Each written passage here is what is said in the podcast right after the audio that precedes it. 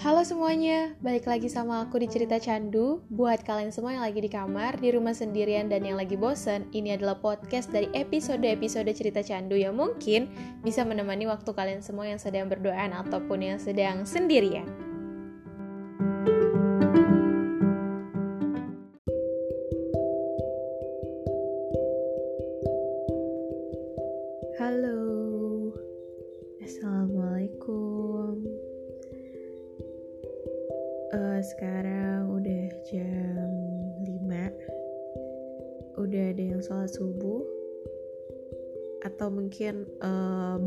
Mau sholat subuh Gak apa-apa.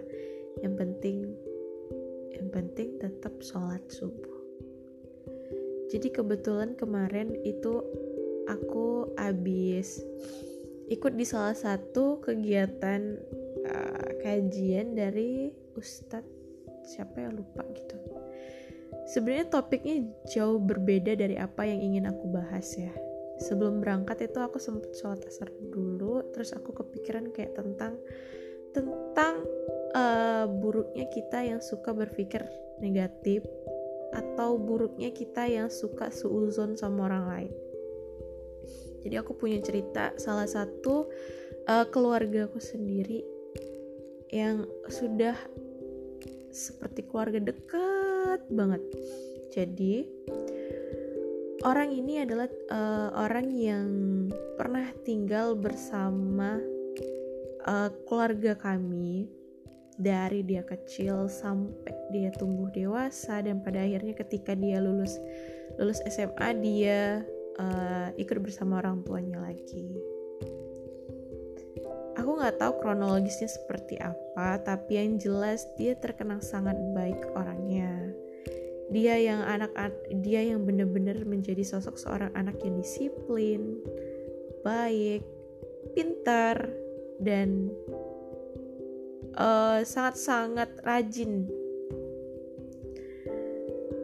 ketika dia udah selesai dari sekolah di SMA dan dia lanjut kuliah di ibu kota hidup tinggal dan bersama uh, orang tuanya.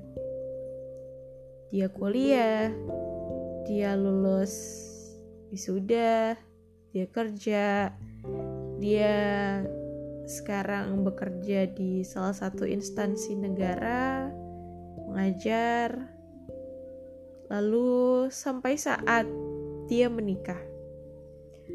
Ada momen di mana saat kakek nenek uh, meninggal dunia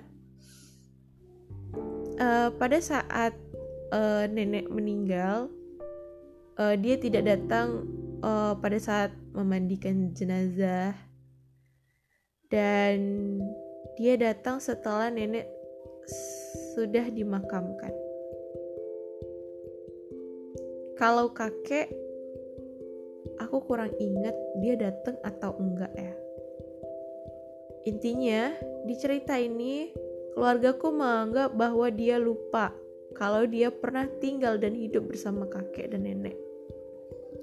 Keluargaku sempat berpikir seuzon dan hanya bukan keluargaku tapi hampir seluruh keluargaku yang ada yang uh, yang pernah tinggal bersama dia.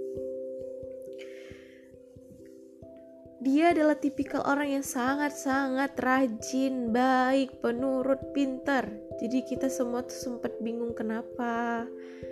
Sampai dia menikah pun dia benar-benar jarang untuk mengunjungi kita semua yang ada di sini. Dia benar-benar uh, jarang ketika ibu dan ayahnya uh, datang mengunjungi kita. Dia tuh benar-benar jarang, hampir beberapa tahun dia nggak pernah datang dan mengunjungi kita dan awalnya kita sempat mikir positif kayak mungkin dia sibuk mungkin dia ini mungkin dia ini. Semua hal-hal positif sudah kita sudah kita coba sudah kita dan sampai kita tuh ngomong ayolah main ke rumah mampir ayolah kunjungin ayo.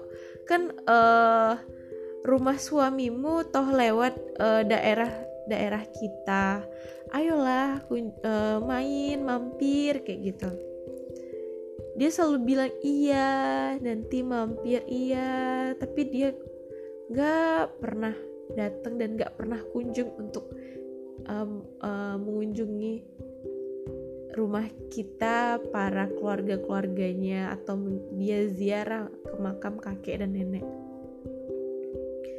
Tibalah saat di mana um, hari raya Idul Fitri tahun 2022 kemarin dia datang.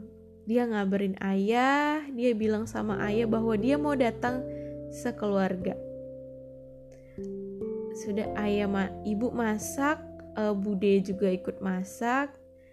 Dan pada akhirnya uh, kita semua masak kita menantikan kedatangan dia. Karena memang dia sudah lama banget nggak datang. Jadi kita tuh happy kita seneng bener-bener uh, kita tuh nyambut dia tuh dengan senang hati. Karena ya ampun dia udah lama banget gak datang ke sini udah ber beberapa tahun gitu kan. Kebetulan uh, suaminya adalah orang yang bekerja yang uh, bekerja di salah satu instansi negara juga. Dan dan dia termasuk orang yang terpandang gitu di, dikenal Setelah itu, ayah pikir hanya dia, suaminya, dan anak-anaknya aja yang ikut. Ternyata dia bawa rombongan keluarga besar, mulai dari mertuanya, adik-adik iparnya, dan semua cucu-cucu atau anak-anak dari uh, adik iparnya. Kebetulan suaminya ini adalah anak pertama jadi, dia bisa dikatakan sebagai menantu dari anak pertama. Dan di situ dia uh, you know lah kalian pasti tahu gimana sih kita yang menikah dengan laki-laki uh, anak pertama. Jadi seperti uh, mengayomi adik-adiknya gitu. Uh, karena kita pikir karena kita pikir uh, dia datang hanya bersama suami dan anaknya aja ya udah kita masak seadanya gitu. Ternyata dia bawa rombongannya sebegitu banyak jadi kita ini ke kekurangan menu makanan. Dan pada akhirnya ibu masak mie sampai berapa bungkus pada saat itu. Dan alhamdulillah mereka ya semoga mereka happy dan senang ketika sudah mengunjungi atau mampir ke rumah kita dari cerita ini ada beberapa hal yang uh, bikin aku jadi mikir. Pada saat itu ibu dan bude juga sempat kayak menyesali pemikiran kita semua. Kita semua menyesali pemikiran kita yang negatif terhadap dia. Kita semua sempat seuzon sama dia. Karena kita pikir kenapa dia nggak mau datang dia lupakah dengan keluarga kita kayak gitu kita udah sempet seuzon yang bener-bener dia udah nggak mau nganggap kita nih keluarga dia nih udah nggak mau lagi apa mampir ke rumah kita kayak gitu. Sampai seseuzon itu kita mikirnya. Dan tahu nggak ternyata kenapa dia nggak mau mampir?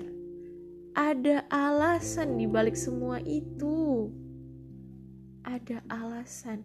Dan aku nggak bisa menyebutkannya di sini. Ada alasan. Ada alasan yang di mana memang dia nggak bisa untuk datang ada alasan. Jadi kalau kita mau seuzon sama orang lain bener sebaik-baiknya orang itu adalah dia yang selalu berpikir positif.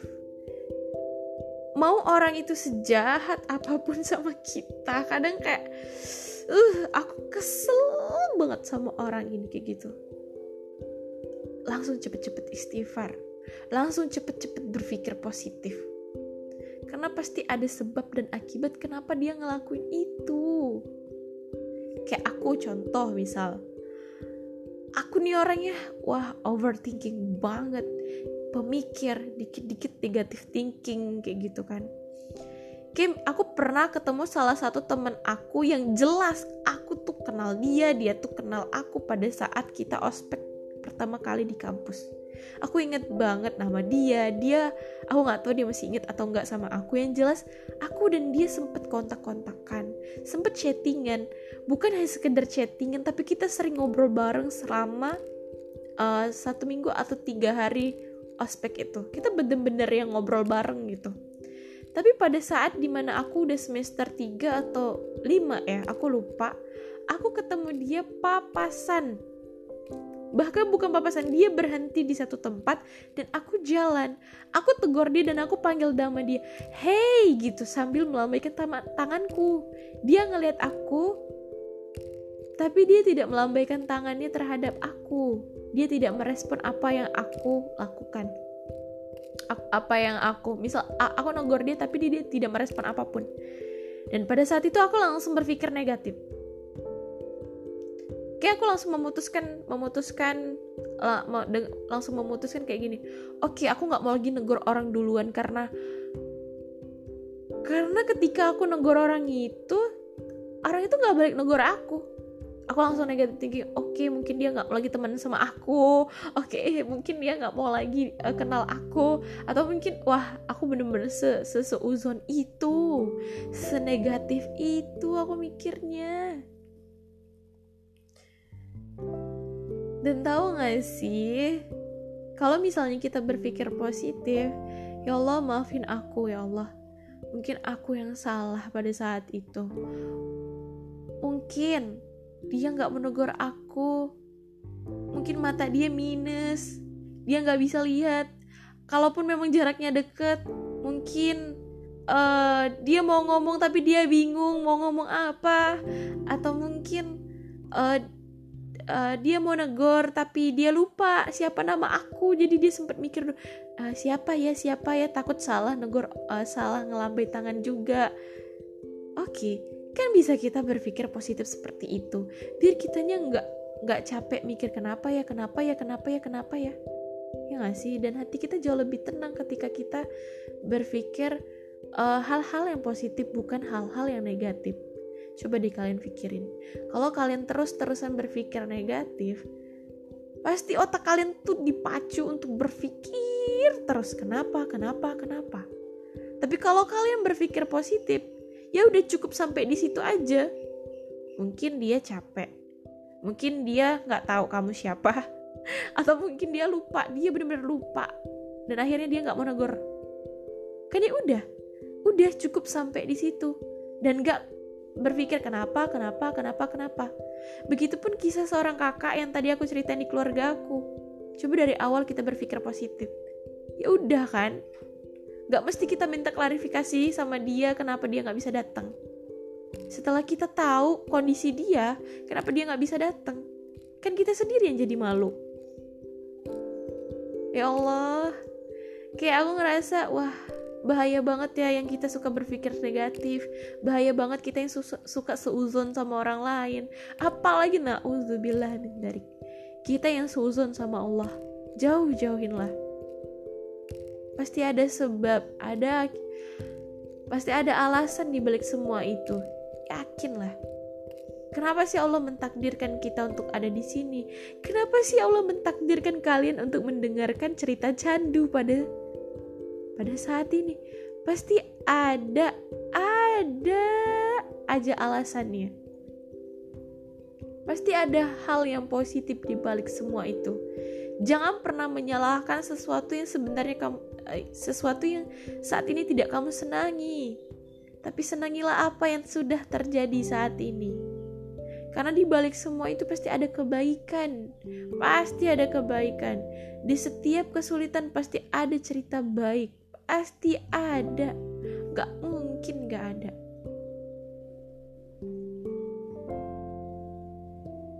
Dan kayak cerita aku nih. Uh, baik lagi tentang kisah ada kisah uh, percintaan.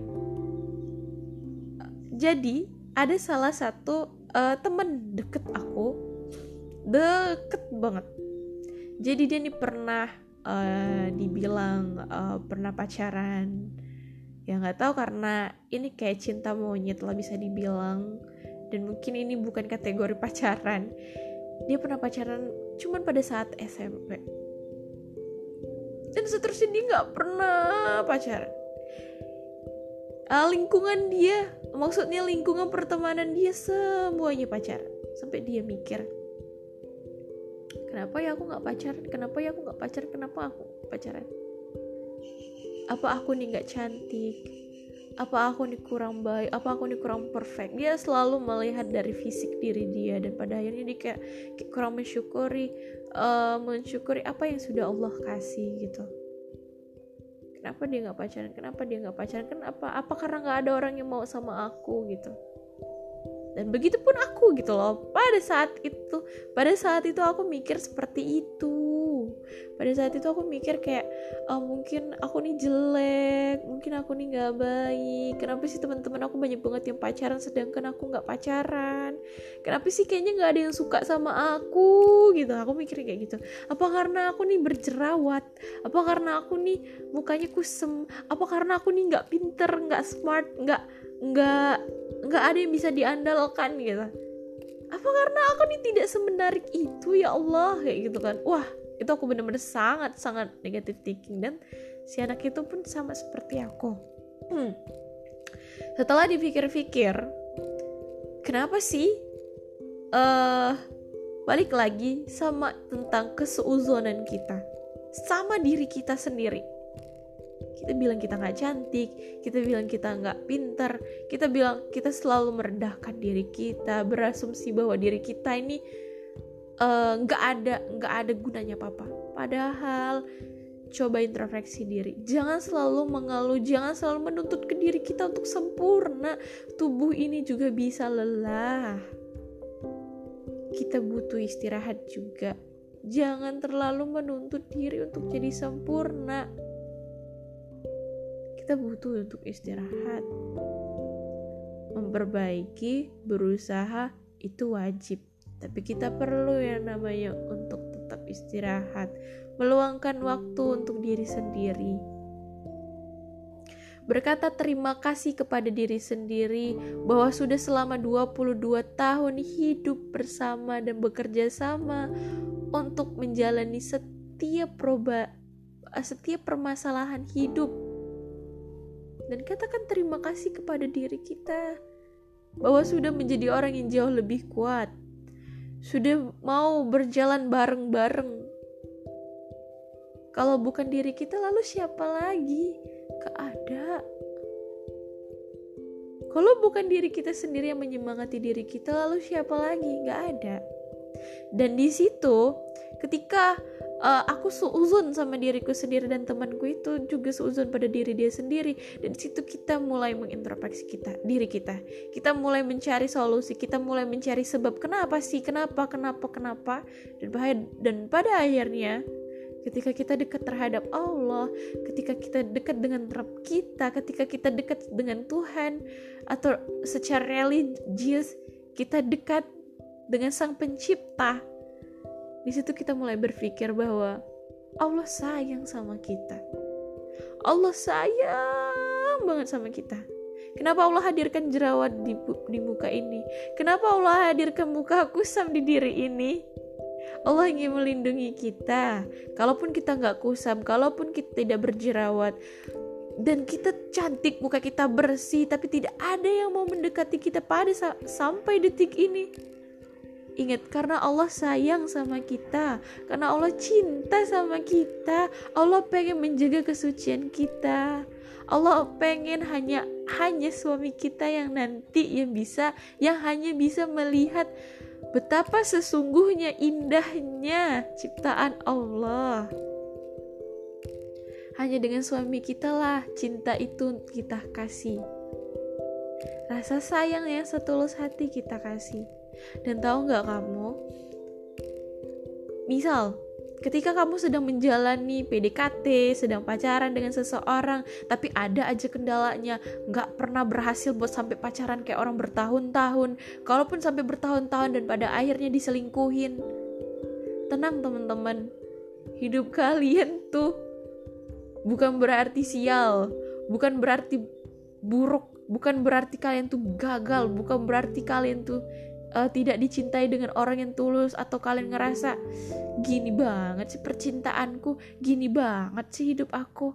Tau nggak? Allah sedang uh, memberi uh, Allah sedang menunjukkan skenario yang jauh lebih indah dari apa yang kita rencanakan. Percaya semua itu. Ini bener aku bener-bener menyaksikan aku bener-bener um, uh, memperlihat walaupun tentang percintaan aku belum bertemu dengan sosok sosok laki-laki yang Allah takdirkan untukku saat ini tapi aku percaya bahwa Allah akan hadirkan sosok laki-laki yang benar-benar sangat-sangat memuliakanku dan ibu, ayah, keluargaku beserta keluarganya. Karena tahu gak sih kenapa kita selalu gagal dalam percintaan saat ini? Sebenarnya uh, ketika kita sedang dekat dengan lawan jenis, ketika kita sedang jatuh cinta, ketika kita lagi PDKT deket dan pengen pacaran terus tiba-tiba gagal di tengah perjalanan dan tiba-tiba si cowok itu ngeghosting kita dan ninggalin kita tahu gak sih? Tapi kita sadari sebenarnya ada sosok seseorang yang sedang mendoakan kita. Ada yang doanya kuat banget dan pada akhirnya kita nggak jadi PDKT sama orang yang salah ini. Dan itu yang gak jauh-jauh Allah cinta sama kita gitu loh. Dan ada sosok lain yang mendoakan kita. Percayalah ia yang sangat-sangat mencintai kita karena Allah sedang mendoakan kita. Dia yang mencintai kita sedang mendoakan kita kepada sang penciptanya kita. Jadi nggak usah takut kenapa kita jomblo kenapa kita nggak pacaran kenapa kita nggak punya nggak punya pasangan. Nggak nggak usah khawatir dan nggak usah iri sama teman-teman yang pacaran.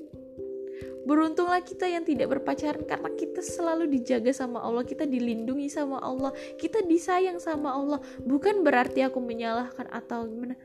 Sa apa yang teman-teman kita lakukan sekarang itu salah. Tapi doakan semoga mereka segera uh, diingatkan dan didekatkan kembali kepada Allah. Mungkin saat ini dia sedang berpacaran, tapi ingat ada amalan-amalan yang lain mungkin dia lakukan selain itu. Mungkin saat ini kita pacaran, tapi sholat kita masih bolong-bolong. Semua orang sedang belajar. Gak ada yang mesti dijudge, gak ada yang mesti dikata-katain, gak ada, gak ada yang harus kita sombongkan, gak ada.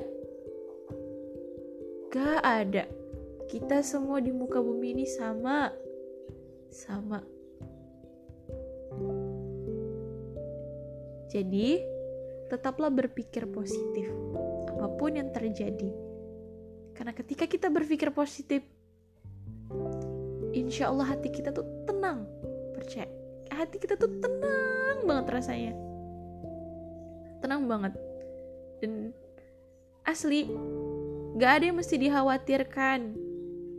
Kerjakan, lakukan. Kita boleh bikin rancangan, tapi ingat, kalau memang tidak sesuai dengan apa keinginan kita, senangilah apa yang terjadi, senangilah apa yang telah terjadi, dan jangan pernah sesali. Mungkin kegagalan ini adalah sebagai pelajaran. Mungkin kegagalan ini adalah cara Allah ingin menunjukkan bahwasanya akan ada kebahagiaan setelah ini. Itu. Coba untuk kita hilangkan uh, pikiran negatif itu. Coba kita berhenti untuk seuzun terhadap orang seuzun terhadap diri sendiri.